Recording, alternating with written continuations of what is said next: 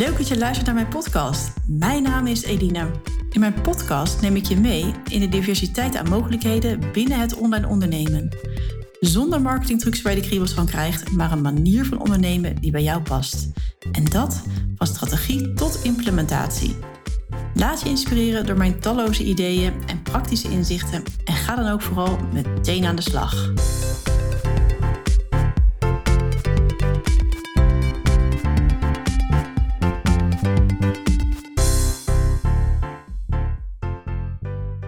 Hey, wat leuk dat je weer luistert naar mijn podcast. In deze aflevering wil ik ja, mijn ervaringen en adviezen met je delen over het vanuit huis ondernemen en het moederschap. Want ja, hoe combineer je dit nu? Het is eigenlijk een vraag die maar geregeld gesteld wordt uh, door andere ondernemers. En ik dacht, nou laat ik hem eens uh, oppakken en bespreken in mijn podcast. Dus voor mensen die mij nog niet heel lang volgen en mij nog niet zo goed kennen. Ik heb een zoon, Laurens, en hij is drie jaar. En inmiddels is hij uh, alweer de hele week thuis, doordat er COVID uh, in zijn uh, opvang is. Dus eerst had ik hem maar even vanuit voorzorg thuis gehouden en nu is ja, de hele opvang dicht. Ik moet je zeggen, we zijn nu alweer een week verder en het gaat prima eigenlijk, het combineren van werk en een driejarig kindje in huis. Er worden heel veel hutten gebouwd en spelletjes gespeeld. En um, af en toe dan uh, ben ik weer even met hem bezig. En ik probeer het gewoon heel goed af te wisselen. Door ook gewoon focus te houden op mijn werk. En ja, me echt te richten op hetgeen wat mij dus verder helpt. Zo'n drieënhalf jaar geleden ben ik met mijn bedrijf gestart. En ja, ik was in die tijd zwanger en ik was uh, net verhuisd naar Oman. Dus ja, ik had helemaal geen achterban van oma's of tantes of een buurvrouw. En daarnaast uh, had ik ook het gegeven dat baby's hier niet naar een opvang gaan. Zoals je dat in Nederland uh, kent als de crash. En gaan kinderen dus, pas als ze kunnen lopen, naar een opvang. Dus ik had zoiets van, ik ga het gewoon doen, werken en het moederschap en we zien het wel. Maar nou, dat is natuurlijk, heeft natuurlijk ook wel gebracht dat het ondernemerschap vanaf het begin voor mij al veel flexibiliteit vroeg en ook creativiteit als we het over de indeling van de dag hebben. En ja, ik had één doel uh, goed voor ogen. En dat was dat ik mezelf financieel wilde kunnen redden. En nou, daar wilde ik ook wat concessies uh, op doen. Dus ik, uh, ik had natuurlijk een bedrag in mijn hoofd van dit heb ik nodig. Kan ik dat verdienen? Nou, dat, in het begin is het allemaal heel spannend natuurlijk met een, met een nieuwe online onderneming. En nou, daarin heb ik ook bewustere keuzes gemaakt. Nou, ik koop gewoon even geen dure kleding. ik ga vanuit huis sporten en zonder personal trainer. En ik ga wat minder koffies buiten de deur drinken. En ik let dus goed op wat er privé uitgaat. En daarnaast probeer ik dus zakelijk op te bouwen. want als we weer terug aan mijn doel was dus dat ik dus financieel mezelf uh, zou kunnen redden. Nou, door mijn standaard dus iets bij te draaien had ik minder nodig en kon ik dus het moederschap en het opstarten van een bedrijf vanuit alle ontspanning eigenlijk doen. Baby slaapt het eerste jaar veel, dus nou, ik kon aardig wat uren draaien. Maar dat werd natuurlijk ook naarmate Laurens ouder werd steeds minder. En uh, ja, had hij ook steeds meer aandacht nodig. Waar je eerst nog even een, rammelaar in een box kan gooien. Uh, ja, moest natuurlijk later ook meer gespeeld worden. En uh, vroeg hij ook gewoon meer aandacht. Nou, ik kreeg dus eigenlijk na acht maanden aanzienlijk minder tijd. En omdat ik wel koers wilde blijven houden in de groei van mijn bedrijf was het dus noodzakelijk om heel gefocust te werken. Dus als ik echt werktijd had, dan werkte ik heel bewust aan hetgene wat mij dichter bij mijn doel bracht. Als ondernemer kan je natuurlijk uh, duizend en één dingen doen. En in die tijd was het voor mij zaak om meer klanten te krijgen. En dit deed ik bijvoorbeeld door mijn huidige klanten gewoon een kort berichtje te sturen. En dan vragen van, joh, uh, hebben jullie nog uh, mensen in jullie netwerk waarvoor ik ook zou kunnen werken? En zo kwam ik eigenlijk met een heel kort lijntje. kwam ik al heel snel in gesprek met weer met andere nieuwe ondernemers. En rolde het balletje eigenlijk heel simpel door. En uh, ja, hiervoor hoefde ik dus eigenlijk niks op uh, social media te doen. Ik had geen podcast, uh, ik had geen blog. Al die dingen deed ik allemaal niet. En het enige wat ik dan deed naast die berichtjes was in de avond vaak scrollen over Facebook en door groepen heen spitten op zoek naar leuke opdrachten ja, daarnaast had ik ook gewoon een heel eenvoudig businessmodel. Dus ik had een eh, pakket van drie uur per week wat ik werkte voor mijn klanten. Ja, dat was eigenlijk het meest afgenomen pakket. Ik had ook wel iets meer uren in, uh, in gedachten, maar op een of andere manier liep dit gewoon goed. En nou, daar kreeg ik 500 euro per maand voor. Dus ja, met vier à vijf klanten had ik dan 12 tot 15 uur aan werk in een week. En dan gemiddeld 2000 tot 2500 euro omzet. Nou, nog niet top of the bill, maar weet je, een begin. En om dat dus te combineren met het moederschap en het opstarten van een bedrijf, vond ik dat eigenlijk gewoon heel prima. Want ja, daarmee kon ik uh, de boodschappen doen, mijn telefoonrekening betalen, nou, en zo. En dat was natuurlijk mijn doel. Nou, ik hield dus hè, mijn kosten dus ook uh, in die tijd bewust laag. Uh, daardoor had ik genoeg om van te leven. En kon ik ook opzij zetten als er bijvoorbeeld een klant weg zou vallen. Met vier uur per dag werken. Nou, had ik toch lekker een beetje geld. Nou goed, het tweede jaar wilde ik natuurlijk gaan opschalen. Of nou natuurlijk, maar dat had ik, uh, dat had ik nou in mijn, in mijn hoofd zitten. En bracht ik Laurens uh, voor één dag naar de opvang. En ik wil natuurlijk gewoon zo veel mogelijk rendement uit mijn dag halen. Dus uh, vroeg ik mijn man of hij dan Laurens in de ochtend weg kon brengen. hij moest immers toch de deur uit naar kantoor. Dat was nog de tijd dat er op kantoor gewerkt werd. En hij vond het eigenlijk helemaal geen probleem. Ik vind dat zelf vaak moeilijk om te vragen. Dus ik altijd allemaal weer allemaal belemmerende overtuigingen en bezwaren. En denk ook, doe het zelf wel. Want ja, hij moet al vroeg weg. Hij moet al de hele dag de deur uit. laat ik het dan maar doen. Maar ik dacht, ja, nee, ik heb juist de tijd nodig om te werken. Dit moet ik efficiënt doen, dus ik ga hem vragen voor hulp. Nou, er was echt geen reden uh, van mijn man om nee te zeggen. Dan zeg ik, joh, ik rijd toch prima. We gaan een extra autozitje kopen. Hij kan met mij in de auto en ik breng hem weg. Dus dat leverde mij een uur extra op. En ja, sowieso autorijden is voor mij een enorme energielek. Dus ja, gevoelsmatig had ik dus gewoon drie uur extra. Dus dat was een, echt een hele mooie uh, winsituatie. En dat is eigenlijk ook iets waar ja, jij ook over na mag denken van wat kan iemand anders doen met betrekking tot mijn kinderen, waardoor ik meer tijd overhoud. Hè, stel uh, wat meer dan in, in Nederlandse begrippen is, hè, je moeder past een dag in de week op. Hè, dan zou je ook aan haar kunnen vragen of ze wellicht met de kinderen samen gaat koken. En dan hoef je dat zelf niet meer te doen. En zo hoorde ik ook ooit een ondernemer vertellen in haar podcast dat zij altijd haar zoon naar haar moeder toebracht op de dag dat uh, haar kindje bij oma was dan ging ze daar toch vaak even koffie zitten drinken en even gezellig kletsen. En uiteindelijk kost dat haar natuurlijk heel veel tijd. Dus toen heeft ze ooit gevraagd aan haar moeder van, zou je niet gewoon je kleinzoon thuis op kunnen komen halen? En ook gewoon aangegeven, joh, en dan start ik gewoon direct met werken. Dus dan doen we gewoon de deur open, kindje weg en klaar. En nou ja, voor die moeder, een, uh, dus de oma, een kleine moeite. En voor haar dus een enorme tijdwinst. Dus vraag om je heen wat mogelijk is. Wellicht heeft je buurvrouw uh, maar één kind, net als ik. Dan is het hartstikke leuk natuurlijk als de kinderen samen kunnen spelen. Zijn ze gewoon even weer uh, de deur uit, kan jij weer wat doen. Dus denk in mogelijkheden en ja, vraag. Vraag mensen om je heen voor hulp. Uh, maar goed, wat nu als je kind wel de hele dag thuis is? Hè? Of na school dus thuis komt. Scholen zijn ook ik doorgaans in Nederland rond twee, drie uur uit. En ja, wellicht wil jij toch nog even wat werken. Uh, nou, uit eigen ervaring, Laurens is dus nu 3,5. En ja, ik kan aardig met hem communiceren. Uh, ik heb mijn kantoor aan huis. En ik zit dus echt niet aan de keukentafel. Dat heb ik heel snel zeg maar achter me gelaten. Ik heb dan ook de luxe wel weer dat ik uh, mijn kantoor beneden heb. We hebben een kamer beneden aan de woonkamer zitten. En daar heb ik dus mijn kantoor gebouwd. Waardoor ik dus heel snel een lijntje heb met de woonkamer. Dat is aan de ene kant onhandig, want daardoor ben ik soms ook wel snel afgeleid. Maar als ik even wil werken en Laurens is bijvoorbeeld thuis, dan kan ik ook weer heel makkelijk even mezelf focussen en uh, gaan werken terwijl hij speelt. En als er dan echt wat is, dan hoor ik hem gewoon heel snel. En ik probeer dan ook het werken op een leuke en positieve manier te brengen werken is ook iets waar ik oprecht heel veel energie en plezier uit haal. En het moment dat ik heb uh, voorgenomen dat werken en spelen van mijn kind samen kunnen, werd ook alles veel makkelijker. Kinderen kunnen prima even alleen spelen. De een wat langer dan de ander wellicht. Maar het is echt het proberen waard om daar ook je kind in te trainen. En zeggen, joh, mama gaat nu even werken, jij mag even spelen.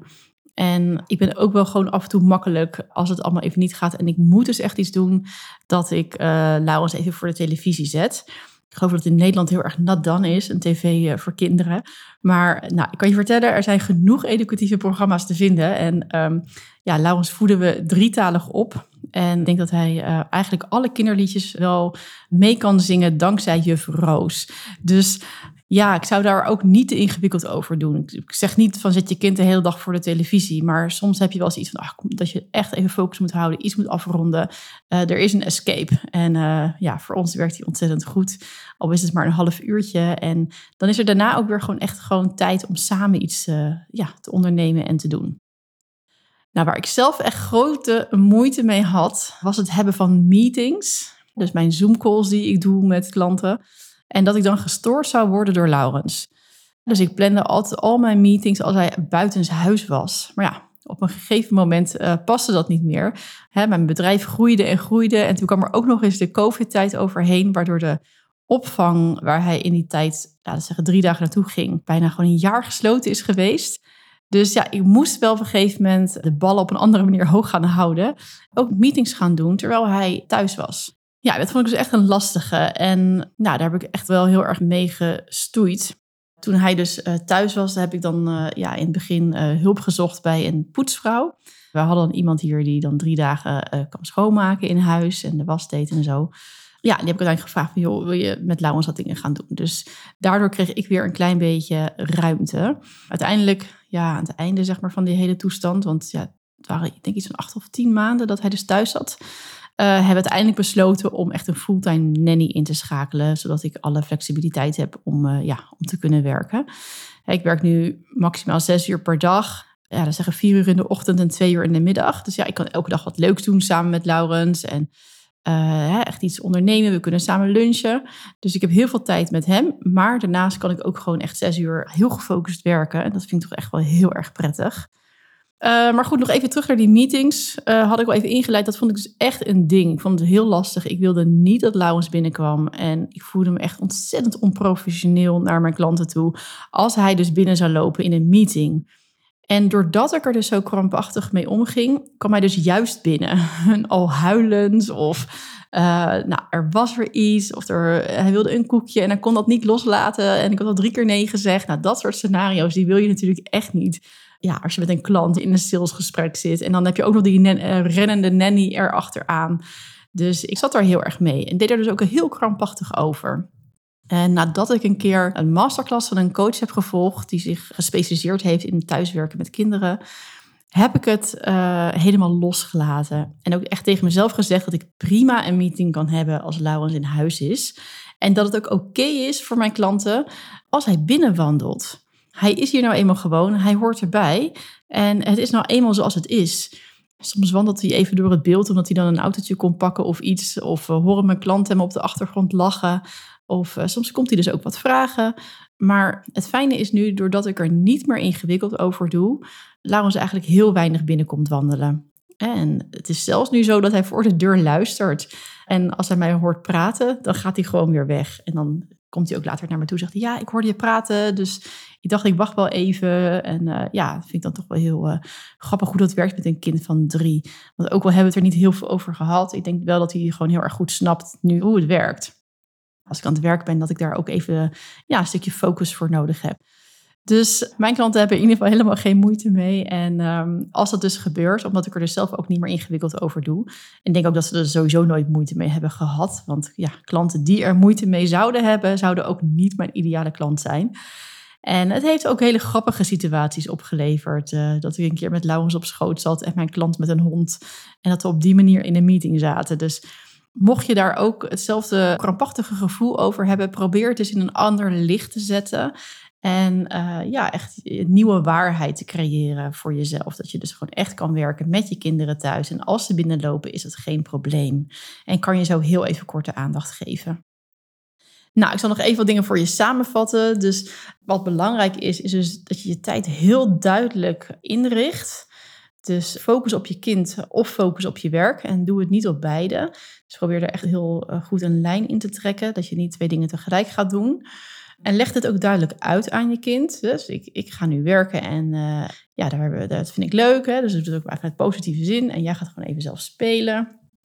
Of je bent even bij oma, of je speelt even met een nichtje in de, in de keuken, weet ik het. Maar dat je dat heel duidelijk even uitlegt.